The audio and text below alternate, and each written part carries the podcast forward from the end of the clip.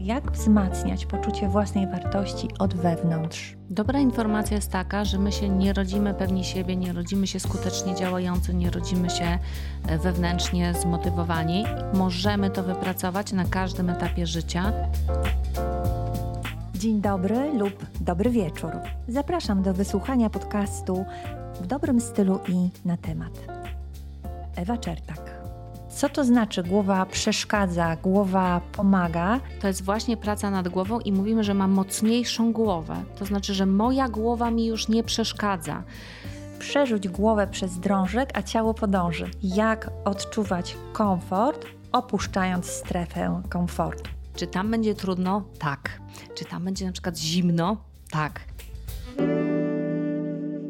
Kasiu, skończyłyśmy ostatnią rozmowę na odpowiedzi. Yy, na pytanie, jak pracować ze sobą przy projektowaniu własnych zwycięstw.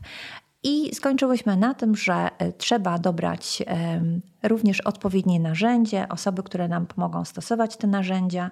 I jedną z tych osób jest trener mentalny. I dzisiaj zaprosiłam Ciebie jako eksperta, psychologa olimpijskiego, psychologa sportowego, który również jest trenerem mentalnym. Więc co powiedziałabyś o motywacji i roli motywacji? Jest taka obiegowa opinia, że psycholog sportowy przede wszystkim zawodników motywuje. No i to jest błędne myślenie, ponieważ profesjonalni zawodnicy są zazwyczaj przemotywowani i o tym też powiemy. Zawodnicy profesjonalni są przemotywowani, gdyż duża presja jest zewnętrzna, a jak byli młodzi, to mieli zakorzenioną, uwaga, motywację zewnętrzną. I co to jest ta motywacja zewnętrzna? Młody zawodnik lubi coś robić dla nagrody. Jak dla... dziecko. Jak bo, dziecko. Powiedzmy sobie w takim tak. rozwoju, kiedy mamy dziecko, dzieci. Mhm. Tak.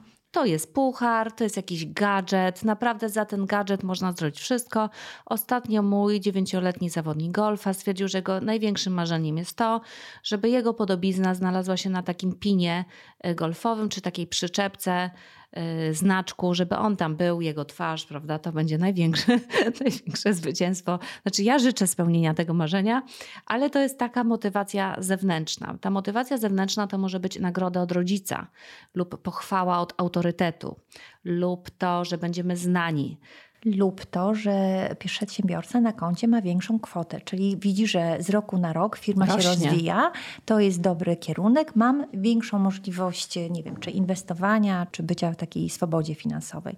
I to jest tak zwany, ja to nazywam cukier. Bardzo, bardzo ciekawe określenie, zapamiętam to. Czyli coś, co nam, nam słodzi. Słodzi, prawda? tak, tak. Daje e, nam natychmiastowe przyjemność. I badania pokazują, że na samym początku, jeśli chodzi o taki zryw do tego, żeby cokolwiek robić, to to jest ok motywacja. Ale uwaga, na sam początek tylko po to, żeby zrobić, czyli ta pierwsza iskra, ale ona z nami nie będzie długo niestety i ona nas zawodzi. Bo teraz tak, my robimy ciężka praca, staramy się, trenujemy nawet mentalnie, fizycznie, yy, emocjonalnie. emocjonalnie, robimy wszystko, biznesy, projekty. I nie przychodzi nagroda zewnętrzna, czyli na przykład ta motywacja zewnętrzna, nie mamy jakichś lajków, ktoś nas nie pochwalił, nie dostaliśmy nagrody, kwota na koncie nie jest wystarczająca. I co się z nami dzieje? Nasz zapał po prostu jest praktycznie zerowy bo my to robiliśmy dlatego, a nie dla wewnętrznej satysfakcji, która jest właśnie motywacją wewnętrzną. To, co płynie z serca, tak może powiem górnolotnie, ale tak jest, a może jak romantycy tak, w literaturze, to, co płynie z serca, to, co jest w nas, to, co nas napędza, nas, nasz wewnętrzny ogień, to, co my naprawdę chcemy, czy kierujemy się miłością, dobrocią, samorealizacją, rozwojem, ale to musi wypłynąć ze mnie, na przykład zdrowiem. To jest motywacja, która w momencie kryzysu, w momencie trudniejszym przytrzyma mnie w realizacji celu i co więcej, praktycznie nam gwarantuje, że osiągniemy zwycięstwo, czyli dojdziemy tam, gdzie chcemy. I to jest cudowna recepta, musimy sobie z tego zdać sprawę. Jak do tego dotrzeć? Musimy to przeanalizować. I teraz takie proste ćwiczenie. Możemy wypisać wszystko, co nas motywuje. Możemy sobie odpowiedzieć na pytanie, dlaczego ja to robię. Czyli dlaczego, po co, dla jakich też korzyści. I wypiszmy je wszystkie. I teraz zobaczmy, które z tych korzyści dotyczą zewnętrzna, czyli innych osób, tego, żeby zaimponować innym, nagród. Mm, niech będzie też pieniędzy, powiedzmy sobie o tym e, szczerze. A zaznaczmy też te, które są bardziej nasze, takie nawet, których czasami trudno zapisać, trochę się ich wstydzimy, bo one mogą być zupełnie błahe, ale one są najważniejsze. To je podkreślmy, i je sobie jeszcze raz przepiszmy, to wtedy zobaczymy, że to jest ważne. Dam Ci przykład, jakie to są te motywacje wewnętrzne, do których się nie chcemy przyznać. Chciałabym być ważna w swoim zawodzie. Chciałabym być w takiej liście kilku osób, gdzie ktoś wie, kim jestem. Chciałabym, żeby to moje nazwisko kojarzyło się z tym, albo kojarzyło się tamtym, albo chciałabym po prostu zaistnieć. Nawet ten sukces nie jest rozumiany tylko i wyłącznie jako taką rzecz wymierną, materialną, liczoną w pieniądzach, tylko ten sukces jest bardziej rozumiany jako znaczenie i ważność e, tego, kim jest się, co się robi, czyli żeby to życie i te nasze starania były ważne i też, żeby były wartościowe, w tym sensie, że jak docieram do tego punktu, że ja chcę się dzielić z tym, bo uważam, że jest to wartościowe, to ja wtedy mówię, to my możemy zacząć pracę nad marką. Tak? Ale to dopiero w tym momencie, kiedy pozbędziemy się tych wszystkich motywatorów zewnętrznych i ktoś sobie zda sprawę, że ma jakieś własne powody, żeby tą markę budować, to wtedy ja wiem, że on będzie budował ją kolejne 10 lat, a nie pierwszy rok wizerunkowo. Dokładnie tak samo dzieje się w sporcie. Często młodzi sportowcy robią coś dla rodziców, i kiedy przestaną robić dla rodziców, to nagle jest wielki taki rozkwit ich kariery. Mhm. Albo na przykład mężowie lub żony prowadząc firmy robią to dla rodzin, dla własnych rodzin, bo dzieci mamy wykształcić, bo są kredyty, bo, chce się, bo, bo mam pracowników, tak? Czyli to są takie bardzo różne powody, zapominają o tym, że no właśnie ten moment pierwszy, y, taki ja bym nazywała, no tradycyjnie się mówi o tym wypalenia, ale takiego momentu, kiedy jakby czujemy, że tak jakby balonik powietrze stracił, tak? że coś tam weszło i nie wiadomo o co chodzi e, i ktoś ma pomysł zamknąć firmę. Bardzo często tutaj przychodzą osoby, które mają taki pomysł, że ta firma dobrze funkcjonuje, a one na starcie mówią, że ja myślę o tym, żeby to coś zamknąć. Ale nie dlatego, że im nie idzie, tylko dlatego, że e, coś się zadziało e, z wnętrzem. I co wtedy? Bardzo dobre pytanie. Y, co wtedy? Myślę, że przede wszystkim musimy sobie z tego zdać sprawę, y, że coś się dzieje, jesteśmy w takim punkcie, który potrzebuje zmiany. I wtedy można by to właśnie analizować, czy być może y, jest to problem tej motywacji wewnętrznej i zewnętrznej. A jak sobie z tego zdamy sprawę, to teraz jak dotrzeć do tego serca, jak dotrzeć do tego wnętrza. I moja wieloletnia obserwacja jako psychologa jest taka, że nam jest trudno przyznać się samym przed sobą, jakie są te prawdziwe motywy naszego działania. Dlatego trudno nam to jest w ogóle tak zapisać. Powiedzieć komuś to jest już, no to nie wiem, jaka to musi być forma zaufania, żeby komuś o tym powiedzieć. Musimy być bardzo szczerzy sami ze sobą. I teraz tak, jeśli my nie będziemy szczerzy sami ze sobą, to jak my mamy być szczerzy wobec naszych pracowników, potem naszego biznesu, czy tutaj u moich sportowców, y, wobec trenera, to musi wyjść z nas. Jeśli mamy tutaj taką blokadę, musimy się zwrócić do specjalisty. Bo to, co ja obserwuję, to jest to, że ludzie mają z różnych dziedzin, ale mają taką blokadę i nic z tym nie robią, bo sami dalej po prostu nie pójdą. Wtedy tą pomocną ręką jest specjalista. Więc e, zrobiliśmy to rozróżnienie. E, motywacja zewnętrzna, czyli można powiedzieć, że robimy coś dla kogoś albo dla czegoś. Tak? Dla czegoś lub dla kogoś. Bardzo dobre określenie, tak. tak. Natomiast motywacja wewnętrzna, ona zawsze jest związana z pragnieniami takimi bardzo intymnymi, osobistymi. My je tutaj nazywamy pragnieniami wypływającymi z serca, które odpowiadają na pytanie, co ja dla siebie wewnątrz, nawet jeżeli to nie będzie widoczne dla kogoś, nawet jeżeli to nie przełoży się na żaden medal ani na konto, to ja wiem, że ja z tego będę zadowolona. To będzie ta moja satysfakcja. To jeszcze dodam jedną rzecz, bo to jest bardzo trudne, ale jest wspaniała nagroda. Bo zazwyczaj jest tak, że jeśli do tego dotrzemy, to utrzymujemy też motywację zewnętrzną. zewnętrzną. Nagrodę zewnętrzną, może mhm. tak. Czyli to jest ta wisienka na torcie, tak, tak. jakbyśmy powiedziały, tak?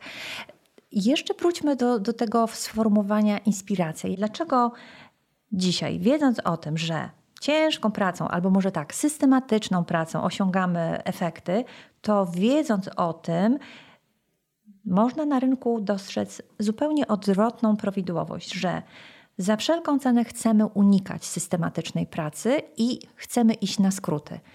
Jakby pomijamy ten aspekt, że w ten cały proces długotrwałej pracy wpisane są porażki, konieczność e, jakby radzenia sobie jakby z sytuacjami, kiedy ja mam taką definicję porażki, że jest to efekt odbiegający od oczekiwanego, tak? I, e, I czym jest ta inspiracja? Jaką ona tutaj rolę e, spełnia w takiej długofalowej pracy e, nad wygraną czy, czy sukcesem? Dla mnie inspiracja to jest ta iskierka, która może nas rzeczywiście zapalić do działania. Ale z moich właśnie doświadczeń i obserwacji wynika, że ona jest dosyć płytka. I inspiracji możemy mieć wiele. Możemy czerpać teraz też z wielu źródeł, zarówno wizualnych, jak i takich audio, których słuchamy możemy bywać, kupować bilety i słuchać o tym, jak zostać milionerem. To jest inspiracja i ona w nas pozostaje, ale ona w nas pozostaje krótko, bo my dalej nic z tym nie robimy, ale za to bardzo chętnie o tym mówimy, bo inspiracja daje nam pewne takie mówienie. I ja się też długo nad tym zastanawiałam, jak to działa, dlaczego ci ludzie chodzą na te szkolenia, robią tyle rzeczy, no i dalej nie działają. I wtedy moja znajoma, takaż emerytka ze Szkocji, którą tutaj serdecznie pozdrawiam, powiedziała mi: Kasia, to jest takie simple. Ludzie się dzielą na mówców i na działaczy. Ona mówi: Ja niestety jestem z tych mówców, bo ja dużo mówię, mówię o jakichś projektach, mówię o czym yy, ostatnio usłyszałam, mówię o pewnych inspiracjach i ja to nawet do siebie biorę, ale na krótki czas. A są tacy, którzy mało mówią, ale bardzo dużo robią i działają. I teraz przekładając to na moją branżę, czyli sportowców. Sportowcy wcześniej, jak nie było mediów społecznościowych, to oni generalnie tylko działali. I my efekty ich działań widzieliśmy na podium. Teraz to się trochę zmieniło i oni są bardziej też e, widzialni, też ze względów oczywiście na spor, e, sponsorów, na pewne zobowiązania, ale czy to zawsze przekłada się ich, na ich działanie? No tutaj stawiam znak zapytania, bo nie chcę odpowiedzieć negatywnie na to pytanie. A to jest e, również ta kwestia, którą zauważyłam i kiedyś też zrobiłam taki wpis blogowy, e, gdzie komu nie rekomenduję mm, bycia takim widocznym w mediach, gdzie to tak naprawdę trochę jednak działa niekorzystnie na renomę zawodu.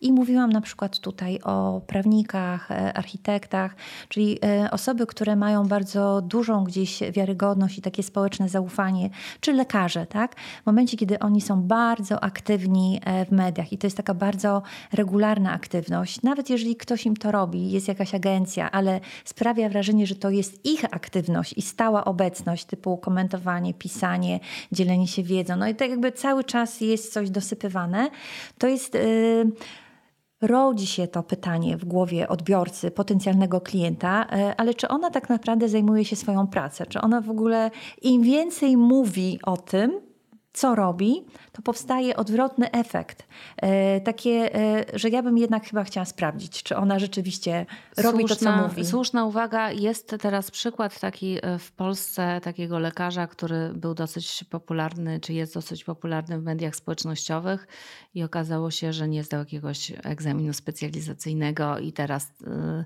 niestety musi sobie poradzić także wizerunkowo z tymi opiniami negatywnymi, które, które otrzymał. No to takie ryzyko tego, co, co, zrobił. Mhm.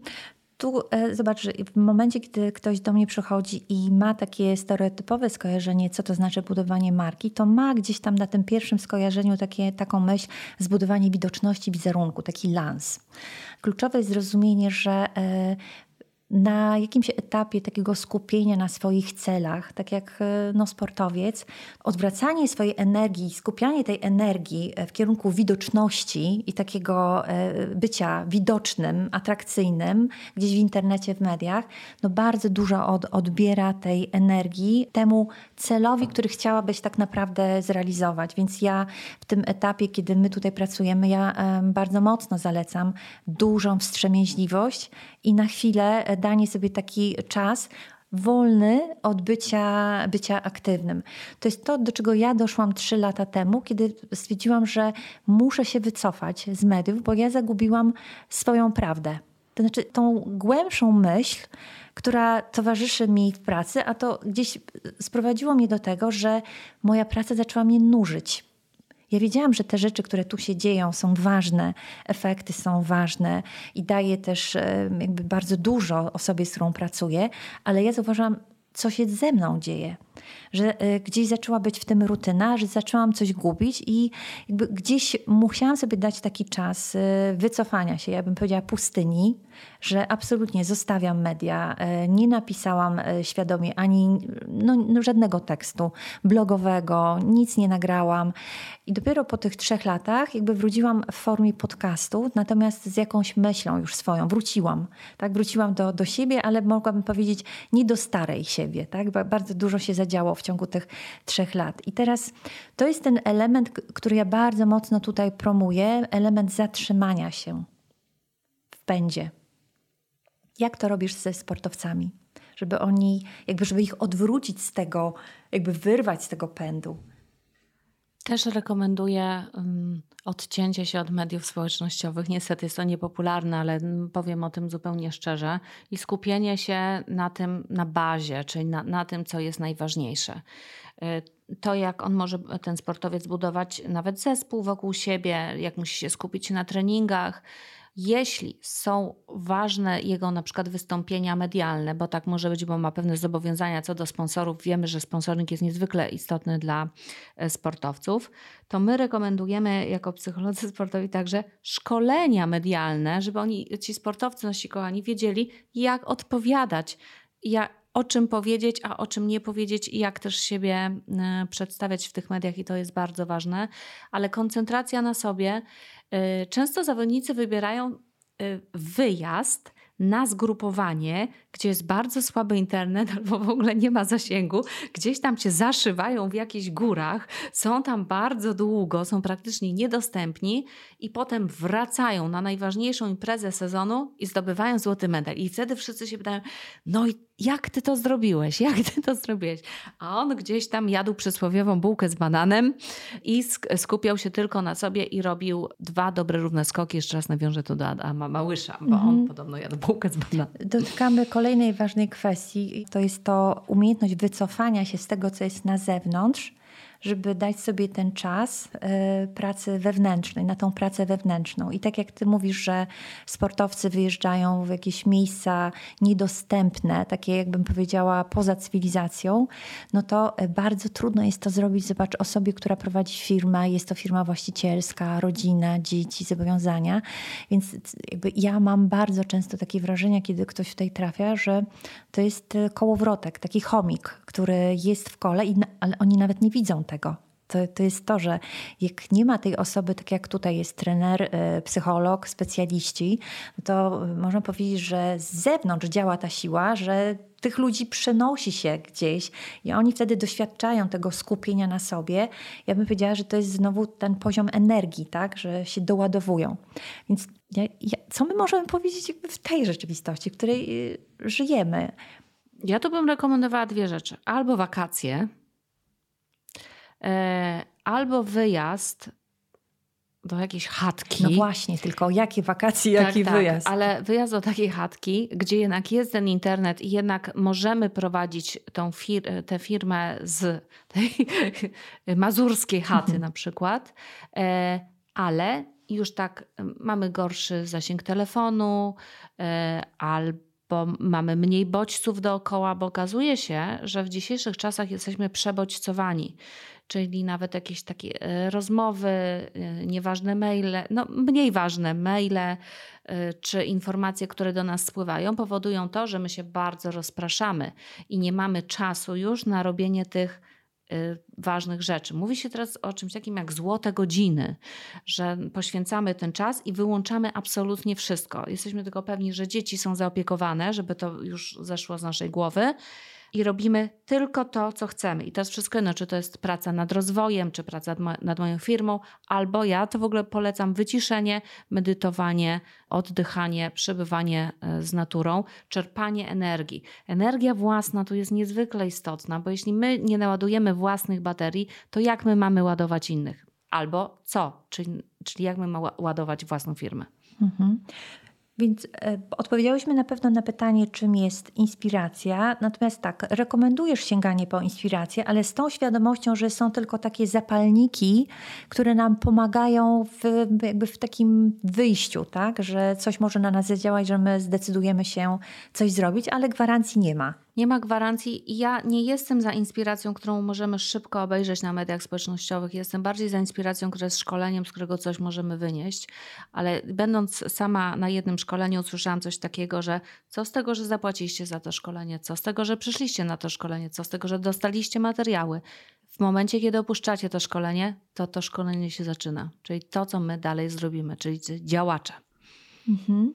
Więc rozumiemy, e, że inspiracja e, może być pomocna, e, jeżeli umiejętnie po nią sięgamy, natomiast dążymy do tego, żeby pod motywacją zewnętrzną dotrzeć z pomocą trenera lub dobrej książki lub jakiegoś przewodnika, dotrzeć do motywacji wewnętrznej. Przejdźmy teraz do takiego tematu, który najczęściej jest w, w moim rozumieniu opacznie rozumiany, czyli strefa komfortu. Postawiłaś w książce bardzo ciekawe pytanie, które mnie zatrzymało: jak odczuwać komfort, opuszczając strefę komfortu? Rzeczywiście mm, rozumienie tego pytania może być takie, że poza strefą komfortu nie jest komfortowo. Tak? Ale czy robiąc nowe rzeczy mamy w sobie na tyle odwagi, żeby jednak spróbować? To może być nasz komfort, czyli taka nagroda za to, że w ogóle spróbowaliśmy, nagroda podjęcia walki, podjęcia wyzwania. Czy tam będzie trudno? Tak. Czy tam będzie na przykład zimno? Tak. Czy tam będą obcy ludzie? Tak. Ale może to, że Mogę to... się bać? Tak, tak, ale może, że zrobię to z uśmiechem, albo że dam sobie inną gratyfikację, czyli taką właśnie wewnętrzną, tutaj do tej motywacji wewnętrznej wracamy. To może być nasz komfort, czyli coś innego niż leżenie wygodnie na kanapie, nic nie robienie, a pieniądze nam spływają i czujemy się fantastycznie, to po co to w ogóle opuszczać? Ale dla własnego rozwoju takie wyzwanie jest yy, fajne i jest dobrą nagrodą. Właśnie to, że jest rozwój, to byłby dla mnie też komfort bo to znaczy, że ja teraz idę w jakąś inną dziedzinę i tutaj mam swoją mini nagrodę. Jeżeli dobrze zrozumiałam, tutaj e, poprawnie. Najczęściej boimy się, to co powiedziałam na początku w pierwszym podcaście, że e, ktoś pomimo e, tego doskonale widzi, jaką przyszłość chciałby ukształtować w swoim życiu i zawodowym, biznesowym, osobistym, to mimo, że widzi e, do czego i to byłoby tam naprawdę fantastycznie, o wiele lepiej jakościowo, to nadal tkwi w miejscu, e, w którym jest, w tych schematach, które mu szkodzą, w nawykach, które mu szkodzą, albo w nawykach, które na pewno nie doprowadzą go do tego innego, lepszego jakościowo życia. I e, na to możemy nałożyć, przynajmniej ja tak to rozumiem, tą strefę komfortu, że wolimy, tak jak w Szreku, to własne bagienko i ten, tą własną chatkę i jesteśmy w stanie sobie wytłumaczyć, ale to jest w ogóle najpiękniejsze miejsce w ogóle na świecie i, i, i to jest moje jedyne i wolę to, niż e, pokonać tą drogę, która, no nie wiem, co tam mnie spotka, nie wiem, kogo spotkam, nie wiem, czy to będzie mnie bolało, ale na wszelki wypadek to ja się nie będę wychylać i, i to jest Wiesz, to bardzo często ja to obserwuję, że na przykład te ludzie tkwią e, w takich związkach biznesowych, chociażby spółki. To jest w ogóle odrębna kwestia. Spółki, prowadzenie spółek takich partnerskich czy jakichkolwiek, gdzie są wspólnicy, którzy łączyli się na zasadzie robienia dobrego biznesu. Nieważne jak, jaka płeć, ale później e, po iluś latach, e, no dobrze, zrobiliśmy ten biznes robimy, rozwijamy się, a mimo wszystko odczuwamy jakiś dyskomfort e, w tej pracy, bo gdzieś to się wszystko zaczęło e, rozjeżdżać na bazie, nie wiem, wartości, celów, ambicji, wizji, że są pewne tematy odkładane, czyli ludzie wolą tkwić w pewnych układach, nie wiem, partnerskich, rodzinnych, no, czy gdzieś ciągle sobie fundujemy to nasze niezadowolenie, które uzasadniamy, no przecież, no, ale przynajmniej to jest to, co ja znam. W sporcie jest podobnie, mm, ponieważ jeśli zawodnik e, osiąga sukcesy, to często zostaje ze swoim pierwszym lub drugim e, trenerem od wieku nawet juniorskiego czy jakiegoś młodzieżowego. No i dochodzą do czegoś, dochodzą i są tam, tkwią razem wiele lat, ale bywa tak, że ten układ się po prostu wypala, już sobie nawzajem nic nie możemy dać. I nagle następuje zmiana trenera, i, mi, i my widzimy, jako też kibice, że w roku, kiedy zawodnik zmienił trenera, on osiąga największy życiowy sukces. Ale on do tej zmiany, zarówno trener, jak i zawodnik, szykowali się latami i wszyscy się pytają, dlaczego tak długo? Przecież ten złoty medal mógł być twój już wiele lat temu. I to jest właśnie ta strefa komfortu, gdzie my jednak e, świadomie dokonujemy decyzji, że my ją opuszczamy. Natomiast tak jak mówisz, że jest to proces. To nie jest tak, że ja no wiem, że tutaj jest tak, tu jest źle. To znowu mi przypomina sytuację, kiedy ktoś mówi tak, że widzę kogoś, widzę, my mamy, jesteśmy takimi lekarzami, ekspertami, tak, że siedzi jakaś osoba e, tutaj, czy to jest mój wspólnik, czy partner i e, ja wiem, jaki on ma problem. Tutaj ma z tym problem, z tym problem. Słuchaj, czy znasz jakiegoś psychoterapeutę, żeby tutaj on sobie to przepracował, to przepracował. I to jest dla mnie niesamowite, że my w tym momencie jesteśmy takimi ekspertami od cudzych problemów i sobie tak wyobrażamy, no skoro ja już tak wiem, jaki w czymś ma ktoś problem, to niech idzie i to rozwiąże, tak? Idź tutaj do terapii albo, albo nie do psychologa. Jakby ja się z tego śmieję, bo to, to właśnie tak to nie jest. Czyli tak jak ty powiedziałaś, że czasami jest to długi proces, do tego, że e, no niby ja wiem, że jestem w tej strefie komfortu, która również jest jakimś tam moim ograniczeniem, ale to jest długi proces, kiedy ja się przygotowuję, żeby tą strefę opuścić. I teraz ty jako psycholog, trener mentalny pomagasz mi znaleźć jakby ten komfort w niekomforcie. Bo jeśli ty wiesz, że na tej drodze będzie zimno, to ja ci powiem, załóż ciepłe buty. I być może to zwiększy Twój komfort. Czyli możemy sobie pomóc w tych sytuacjach niekomfortowych, w tych sytuacjach trudnych i nowych, w tym plecaku są pewne narzędzia pracy ze sobą. Taka świadomość tego, jak nasz umysł funkcjonuje i że my mamy na to wpływ. Że jak on nam zrobi, jak ja to mówię, psikusa i my wiemy, że umysł płata nam figle yy, i, że często my tego nie rozumiemy dlaczego, to jak ja więcej się dowiem, w jakim momencie yy, tutaj będzie jakaś moja reakcja, to ja mam odpowiednie narzędzie w plecaku i ja to stosuję.